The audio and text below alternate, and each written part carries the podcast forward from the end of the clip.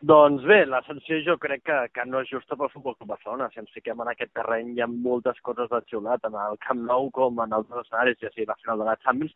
Jo recordo, per exemple, en cada, en cada partit de la Champions League com bé es xiula quan es dona la informació eh, amb l'idioma rival. Es fa, es fa perquè el rival no s'enteri, però es xiula també. Hi ha molts símbols en el llarg dels partits que, que s'ensenyen i jo crec que és un, és sempre que sigui amb, amb respecte i sempre que sigui de manera pacífica, com ha succeït amb el Futbol Club Barcelona, crec que la sanció no té, no té cabuda.